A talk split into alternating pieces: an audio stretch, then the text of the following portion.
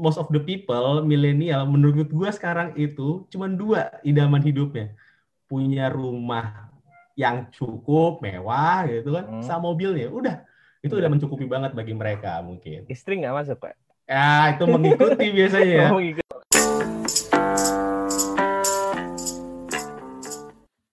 Halo semuanya, kembali lagi nih di podcast Geo Insight. Kali ini bersama saya Kolis dan bersama saya Bowo. Saya ya. kita dua bolis akhirnya.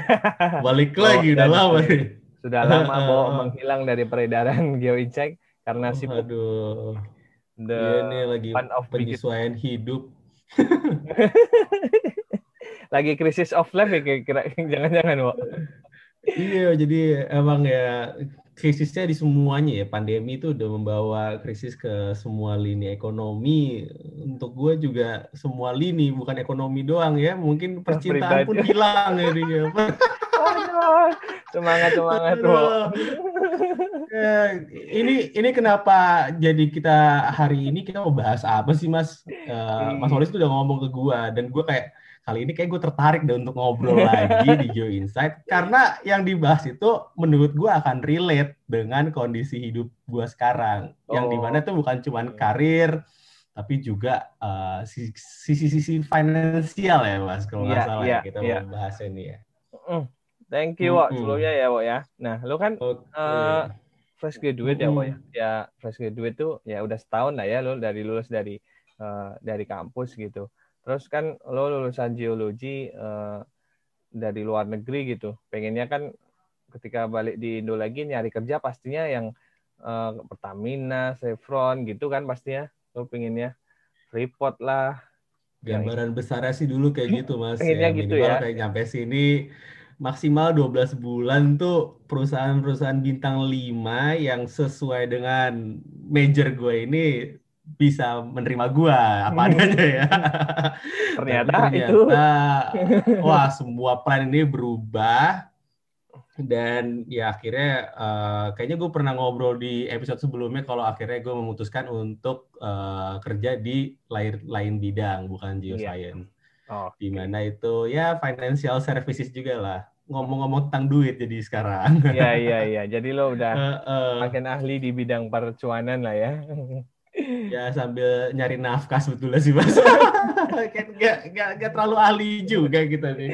Jadi okay. lo pasti pengennya uh, pas kita fresh graduate dulu itu pengennya kan nyari kerja yang di tempat yang cuannya tinggi nih. Pasti gaji uh, gaji tinggi hmm. atau misalnya di lapangan di tambang gitu. Pulang-pulang bisa beli mobil bisa beli uh, rumah gitu. Pasti harapannya Wak ya dulu ya Iya loh mas, kita kan keluar rumah tuh sebetulnya pengen punya rumah sendiri biar tetap stay dalam rumah sebetulnya. Oke. Okay. Intinya manusia menurut gue gitu. Kenapa kita keluar? Sebetulnya kita nggak mau, bukan mau untuk interaksi terlalu gimana, tapi kita akan mencapai sesuatu titik di mana kita tuh mencapai goals-goals kita. And hmm. most of the people, milenial, menurut gue sekarang itu cuma dua idaman hidupnya. Punya rumah yang cukup, mewah gitu kan, hmm. sama mobilnya. Udah, itu udah mencukupi banget bagi mereka mungkin. Istri nggak masuk, Pak? Ya, itu mengikuti biasanya ya. Oh, mengikuti ya. Eh, ya nggak sih? Itu kan kayak itu kan kayak kulitnya. Kalau kulitnya udah bagus, tinggal dibungkus aja ya. Itu tinggal bungkus, betul ya, betul. Benar benar benar. Oh, jadi Tem tema bahasan kita apa nih jadi kita nih? Jadi, uh, jadi uh, anak milenial tuh ya harus melek juga dengan uh, finansial lah ya, kok ya harus mm-hmm. ngerti juga apa sih lagi pandemi gini apa sih tentang keuangan lah. Jadi kan kita bisa belajar banyak gitu tentang kebijakan-kebijakan yang dibikin pemerintah. Jadi kita tuh harus uh, menyebarkan informasi ataupun diri kita sendiri harus tahu gitu tentang uh, hal itu terutama tentang percuanan ya. Kalau kita mau beli Bener rumah, banget sih mas. Mobil uh, gitu. Soalnya kalau menurut aku sih emang nggak nggak pernah bisa lepas kita mau jurusan apa pun kayak kita nih dari geos geoscience background kita tetap perlu beli rumah bukan lihat ke tanahnya jenis apa kan? Oh iya benar juga. Tapi gimana cara membeli tanah tersebut, properti tersebut? Makanya tema hari ini lumayan menarik nih dari BI men-challenge kita orang-orang iya. geoscientist untuk berpikir lebih apa itu uh, micro uh, makro prudensial dan gimana dampaknya ke, terhadap stabilitas keuangan. Oh, Manfaatnya apa? Makro prudensial tuh ini. ini yang apa tuh? Asuransi itu always under Oh itu ya, always, always understanding. always understanding. always understanding. Jadi lo mau jual prudensialnya doang. Oh, oke. Okay. Enggak, Jadi, gue hari ini gak jualan produk kok. Jadi apa sih? Gue, itu makro prudensial? Oh, makro prudensial itu adalah di mana uh, gue gue gue bisa bilang itu sebuah sistem ya kalau nggak salah ya mas. Mm -hmm. Jadi jadi prudensial itu adalah ya semua komponen dalam sebuah sistem keuangan. Sebelum kita ngomong makro prudensial, kita harus ngerti dulu sistemnya itu terdiri dari apa aja sih. Bahkan hmm. yang lucunya di sistem keuangan itu kita juga termasuk di dalamnya. Diri kita uh, sendiri ini ya. Diri kita sendiri, anak baru lahir, dia beli popok, dia udah pakai uang, dia masuk sistem keuangan udah kan, sebuah hmm, sistem, eh, sebuah okay. ekosistem lah istilahnya. Dan uh, banyak yang salah di masyarakat, mereka mikir sistem keuangan, oh ya udah, berarti adalah cuman perbankan, ya kan gitu. Hmm, padahal, padahal banyak aspek-aspek lainnya ya. Betul mas, uh, perbankan itu dia emang emang mengat, meng, mengontrol uh, majority uh, of the factor ya, tapi kan ada juga yang non non financial banking kayak badan asuransi, nah ini itu hmm. bahkan uh, kayak infrastrukturnya aja yang diatur oleh pemerintah ini akan menentukan ke depannya sistem keuangan itu akan berjalan secara baik atau enggak gitu. Oke, jadi ya yeah. tadi ya sistem keuangan kan sistem berarti suatu tatanan ya. Oh ya di dalamnya pasti mm -hmm. ada, ada yang uh, tadi uh, lembaga keuangan, kemudian lembaga keuangan bukan uh, bank juga gitu. Mm -hmm. Nah, okay. terus stabilitasnya itu perlu kita jaga juga nih, Wak, sistem keuangan itu. Ini ngejaga uh, apa stabilitas sistem keuangan tuh gimana sih maksudnya ini, Wak? Uh, pertama kita juga harus tahu, tadi kan kita udah udah bahas sistem keuangan ya kan. Terus mikroprudensial adalah ya sebuah sebuah apa ya ekosistem di dalam sistem itu gitu. Dan juga tujuannya adalah menjaga sebuah stabilitas. Seperti kata Mas Holis tadi, stabilitas itu nggak cuma di, di keuangan doang kok. Kayak rumah tangga aja kalau nggak stabil lama-lama koyong gitu. Terus yang di webinar kemarin di BI ibaratnya itu kemarin apa uh, orang orang kesehatan orang ya? Kalau nggak salah ya medical check up yeah. yang lain itu nah dan mereka harus namanya punya apa namanya uh, health check matrix gitu. Yang yang dijaga adalah dari bukan cuma lagi luarnya aja dari dalamnya juga harus dijaga. Sama seperti sistem keuangan kita nih di negara ini. Tentu negara tuh punya uh, kebijakan-kebijakan yang akan membantu sistem keuangan lebih baik uh, dan bertumbuh setiap tahunnya. Kalau kalau misalnya uh, nggak dijaga, nggak stabil tadi, akan me, me, me, memberi dampak yang sangat signifikan terhadap resikonya, mas, ke depannya.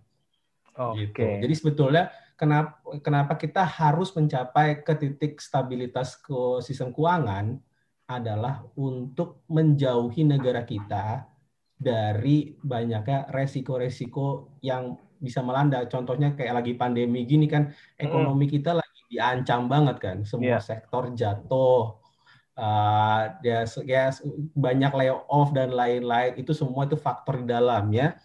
Dan dan BI sebagai uh, salah satu uh, yang mengatur bank di Indonesia ya, dia kan punya punya kebijakan moneter. Salah satunya yang kita akan bahas itu adalah makro prudensial, memikirkan gimana caranya uh, si, si ekonomi ini tetap stabil, tetap bertumbuh ke depan walaupun adanya gejolak dari luar dan dalam. Hmm. Mungkin itu sih yang aku yang aku aku tangkap dari yeah, yeah. stabilitas sistem keuangan. Jadi sistem yeah. keuangan yang stabil itu gak akan berdampak mau ditonjok berkiri kanan yeah, kiri yeah, kanan yeah. dia tetap maju aja. Yeah, gitu gampangnya ya. mungkin ibarat uh, rumah tangga ya ada gangguan dari uh, apa orang lain. Tangga. Dicibir tetangga ya kali. Gak ada gangguan dari orang lain tuh tetap tetap uh, kuat gitu rumah tangganya gitu. Betul. Uh, nah, semacam itulah stabil. BI tadi itu juga berperan di situ ya, oh ya. Gue pikir BI itu cuman ya bikin uang lah, nyetak uang gitu, distribusiin uang gitu.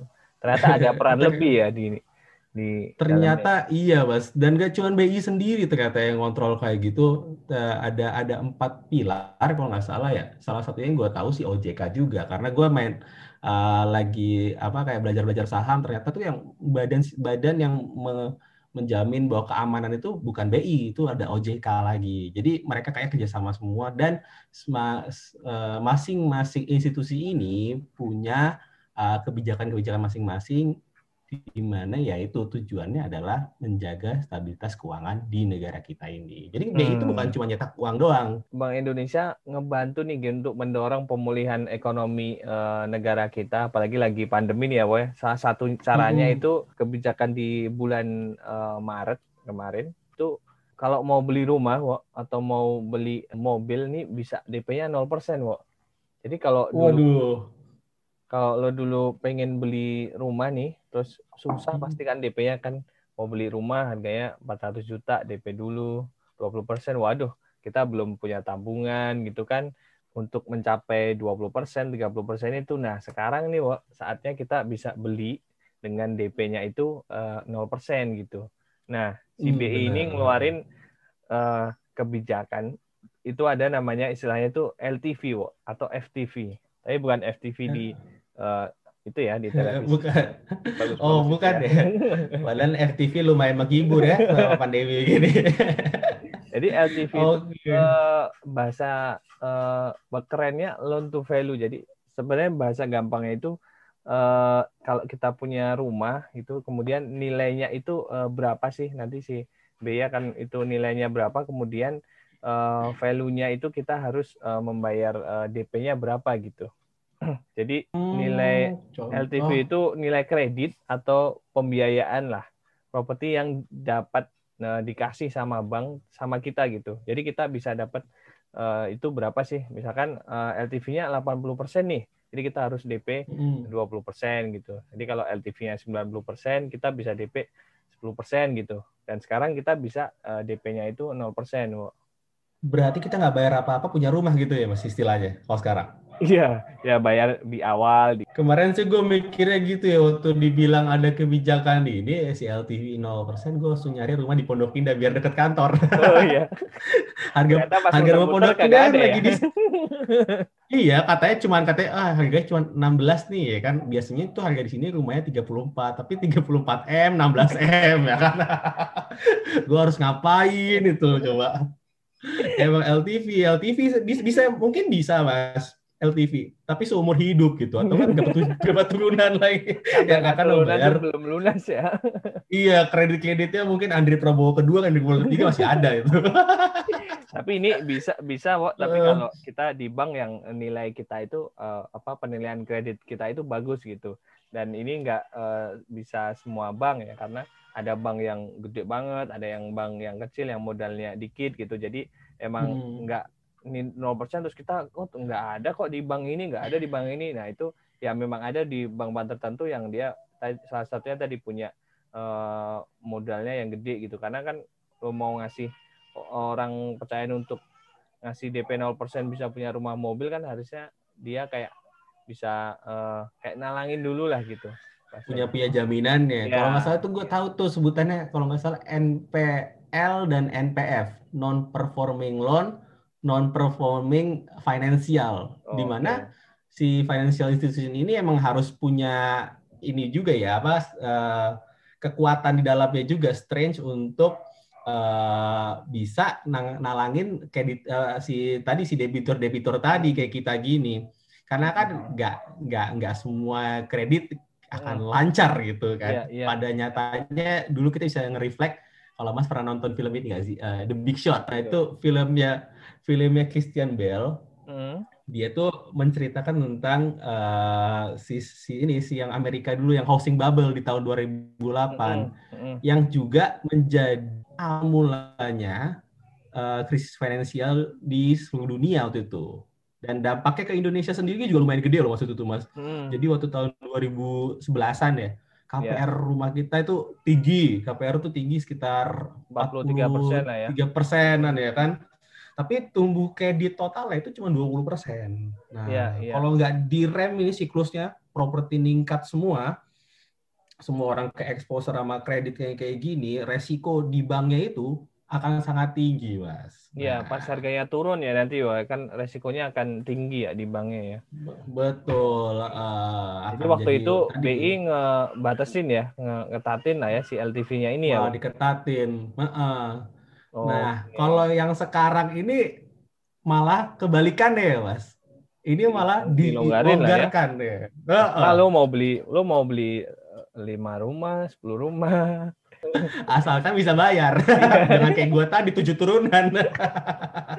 nah, ini kerennya kebijakannya BI sekarang, wo, itu uh, yaitu yang ngasih kelonggaran untuk uh, bisa nih orang mau beli uh, mau rumah pertama, kedua, ketiga ini Eh, DP-nya 0% gitu. Ini demi mendorong pemulihan ekonomi nih gitu. Dan itu juga terjadi di industri otomotif ya. Kalau kita mau beli mobil itu bisa 0% juga gitu. Nah, kenapa sih hmm. BI itunya di properti dan otomotif nih, Wo? Ternyata otomotif dan properti itu potensial banget, gede banget industrinya itu. Pangsa pasarnya gede gitu. Kayak jumlah penduduk di Indonesia udah hampir 260 sampai 270 juta itu kan butuh harus ada rumah berapa, kemudian harus ada ada mobil berapa itu kan industrinya gede banget dan uh, pangsa ekspornya juga gede gitu. Nilai kreditnya juga hmm. besar jadi si BI di kedua sektor ini, properti dan otomat otomotif gitu. Nah, betul tuh Mas. Kayaknya karena mereka sendiri dua dua industri ini kayak uh, properti dan juga uh, otomotif itu jadi penopang ekonomi kita selama ini juga yeah. kalau kita Bener. bukan rahasia lagi lah ya. Mm-hmm. Uh, karena yang yang ngegerakin ekonomi kita dari krisis kemarin sampai sekarang juga tuh gara-gara mereka juga gitu. Oke. Okay. Nah, kalau dan sekarang nih kondisinya orang kan takut ya ke depannya itu gimana kondisi ekonomi banyak yang orang-orang punya duit banyak tapi ditahan duitnya di kantong. Hmm, buat eh, hati-hati lah ya. kebijakan iya hati-hati. Tapi kan setelah ini emang jaminan dari BI dan lain-lain dan ini juga sebuah kesempatan bagi mereka untuk mencapai idaman-idaman tadi ya, hmm. memiliki rumah idaman, mobil idaman. Idaman istri daman itu mengikuti dari rumah dan mobil ya kan? nah, semoga jadi semua pihak akan diuntungkan dengan kebijakan ini kayaknya. Oke, dan itu kan udah terrealisasi dari 1 Maret kemarin, Wak. Nanti akan sampai 31 eh, Desember gitu. Mungkin nanti bisa jadi kalau misal pandemi sudah belum selesai gitu ya kita berharapnya udah selesai ya. Mungkin nanti akan mm -hmm. ada kebijakan-kebijakan yang selesai. seperti ini lagi gitu. Dan kalau gue lihat, Wak, di industri otomotif sendiri ya sejak diberlakukan uh, eh, 0% ini itu penjualan retailnya di bulan Maret dan April itu meningkat daripada bulan Januari Februari itu uh, semua brand itu bisa jualan sampai 53 ribu kemudian di Februari totalnya ada 46 ribu itu di bulan Wah. Maret dan April itu naik gitu Biasa. sampai 77 ribuan artinya hampir 70 persen lah ini data data dari Gaikindo nih, Wo. Jadi udah pasti valid lah ya. Ini di di penjualan retailnya gitu. Retail ini penjualan yang dari uh, dealer ke langsung ke customernya gitu. Hmm, nah, mantep tuh Mas. Berarti itu tadi Wo. efeknya berhasil ya. Iya, efeknya untuk bikin roda perekonomian jalan hmm. lagi tuh udah kelihatan gitu dampaknya. Nah, ya ya ya. Nah, udah kelihatan kan? Jadinya kenapa tuh kita harus peduli sih sama sistem ini stabilitas sistem keuangan ini, Wak? Kenapa kita harus turut ya, balik andil? Lagi ke betul ya sama tadi kayak ya kita kan kedua ngobrol dari tadi nih kalau uh, hmm. lagi kondisi kayak gini apa yang harus kita jaga untuk mencapai sebuah stabilitas ya adalah sistem keuangan kita juga di negara kita dan contohnya menurunkan DP ringan bahkan sampai 0% ini adalah kebijakan makroprudensial yang hmm. yang secara uh, kecil udah terbukti tadi dengan dan faktanya udah menggerakkan ekonomi kembali dan kita tuh harus mulai sadar kalau hal-hal kayak gini tuh penuh manfaatnya untuk semua pihak dan bangsa kita Indonesia ini. Dan mulai sadar kalau kita tuh adalah bagian, bagian ya. penting juga di sistem ini juga, ya kan? Iya, oke. Demikian Amin. Okay. pendengar Geoincek. Uh, terima kasih yeah. udah dengerin obrolan kita. Bolis, Bowo, okay. Kolis. Bye. Bye semua.